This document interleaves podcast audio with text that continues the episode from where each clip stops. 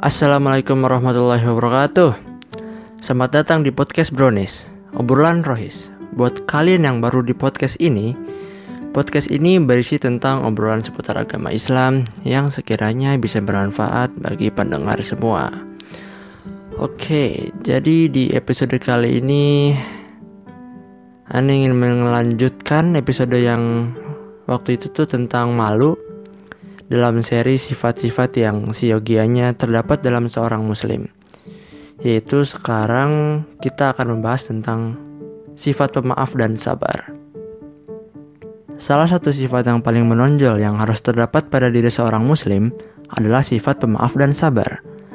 Perjuangan Islam ini penuh dengan berbagai hal yang tidak mengenakan. Jalan dakwah ini dikelilingi dengan berbagai kesukaran. Tindakan menyakitkan, penangkapan, tuduhan, celaan, dan cemoohan. Semuanya merupakan kendala-kendala yang banyak merintangi para aktivis dakwah agar semangat mereka kendor. Ya, turunlah mereka semangatnya. Serta gerak dan aktivitas mereka dalam mendakwahkan agama Islam itu lumpuh. Dari sini jelaslah bahwa tugas seorang ikhwan juru dakwah adalah salah satu tugas yang paling berat. Ia berkewajiban membawa dakwah ini kepada semua orang dengan berbagai temperamen, penalaran, dan karakter masing-masing. Ia harus membawa kepada orang yang bodoh maupun yang pandai, orang yang rasional maupun yang emosional, orang yang fleksibel maupun yang kaku, orang yang tenang maupun yang reaktif. Selanjutnya, ia harus berbicara kepada manusia sesuai dengan kadar penalaran mereka masing-masing, menampung mereka secara keseluruhan berusaha menarik simpati mereka semua. Ini saja membutuhkan kekuatan, kesabaran, ketabahan, dan sifat pemaaf yang luar biasa. Karena itu, banyak ajaran Al-Quran maupun Nabi yang mendorong untuk memiliki sifat sabar, pemaaf, dan di antara ajaran-ajaran Al-Quran adalah Barang siapa bersabar dan memaafkan, sesungguhnya perbuatan yang demikian itu termasuk hal-hal yang diutamakan. Quran Surat Asyura ayat 43. Maka maafkanlah mereka dengan cara yang baik. Quran Surat Al-Hijr ayat 85. Dan di antara ajaran-ajaran Nabi, sesungguhnya seorang hamba bisa meraih derajat orang yang banyak melaksanakan puasa dan qiyamul lail dengan sifat pemaaf. Lalu ada lagi Maukah kutunjukkan kepada kalian apa yang dijadikan oleh Allah untuk meninggikan bangunan dan menaikkan derajat? Lalu para sahabat menjawab, Ya wahai Rasulullah. Lalu Rasulullah bersabda, Kamu memaafkan orang yang berbuat jahil terhadapmu, mengampuni orang yang menjalimimu, memberi orang yang enggan memberi kepadamu, dan menyambung hubungan dengan orang yang memutus hubungan denganmu. Beberapa contoh praktis mengenai kesabaran Nabi. Yang pertama ini ada pada masa perang Hunain.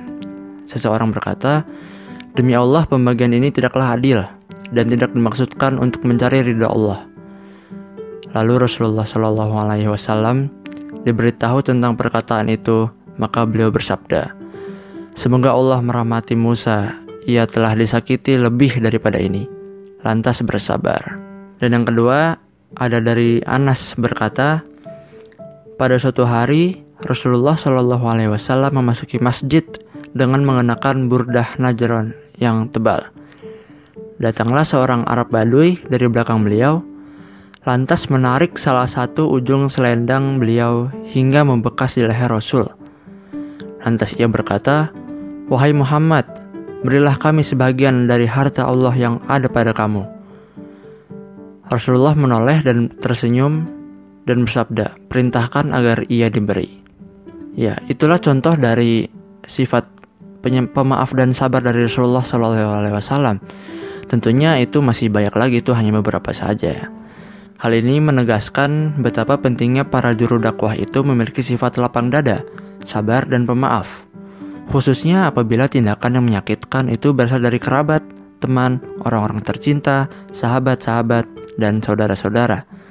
Hal itu akan menimbulkan kecintaan dan keakraban serta menghilangkan perpecahan dan perselisihan.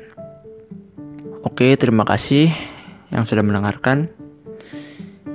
Ngomong-ngomong, ini yang sudah kita dengar juga ya sekitar satu pekan belakang ini mungkin banyak adalah beberapa kabar duka dari teman mungkin atau keluarga sendiri yang terkena COVID-19 ini.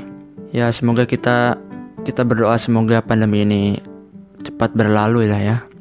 Semoga keadaan makin membaik walaupun kita sini sudah berapa lama ya di rumah? Satu tahun lebih kan kemarin tuh Maret satu tahun uh udah mau dua tahun ya ya gitulah ya mau bagaimana lagi yang bisa kita lakukan hanyalah berdoa dan ikhtiar sebisa mungkin ya dengan menjaga protokol kesehatan. Dan di musim liburan ini ya ilah musim liburan liburan semester ini aneh harap uh, kita dapat mempergunakan waktu dengan sebaik-baiknya. Kita itu dapat produktif dan nggak kerasa aja gitu. Perasaan kemarin baru baru mau awal liburan. Sekarang ini saya rekam ini pekan depan apa ya? Udah mau mulai sekolah. Ya pokoknya begitulah ya kita ini harus memanfaatkan waktu dengan sebaik-baiknya. Ya sebenarnya ini juga uh, pengingat untuk diri saya sendiri. Ya karena aneh juga kadang males-malesan. Ya ya kayak gini aja. Apa namanya? Podcast ini saya udah terakhir kapan ya? Ya pokoknya terakhir ya udah lama lah saya udah terakhir kapan ya? Ya aneh juga udah nggak inget gitu. Makanya baru ngisi lagi sekarang nih oke jadi ngalor ngidul ke mana-mana langsung saja kita sudahi demikian yang dapat aneh sampaikan pada episode ini semoga dapat bermanfaat bagi kita semua dan dapat kita aplikasikan dalam kehidupan sehari-hari. Dan tak lupa kita berdoa lagi sekali lagi agar pandemi COVID-19 ini dapat terakhir, dapat berakhir. Amin ya robbal alamin. Semoga yang sakit bisa disembuhkan, yang yang ada urusan semoga dilancarkan, dimudahkan semuanya. Dan ya, kurang lebihnya mohon dimaafkan. Yang benar datang dari Allah dan yang salah itu datang dari saya pribadi. Ini kenapa jadi terbata-bata ya?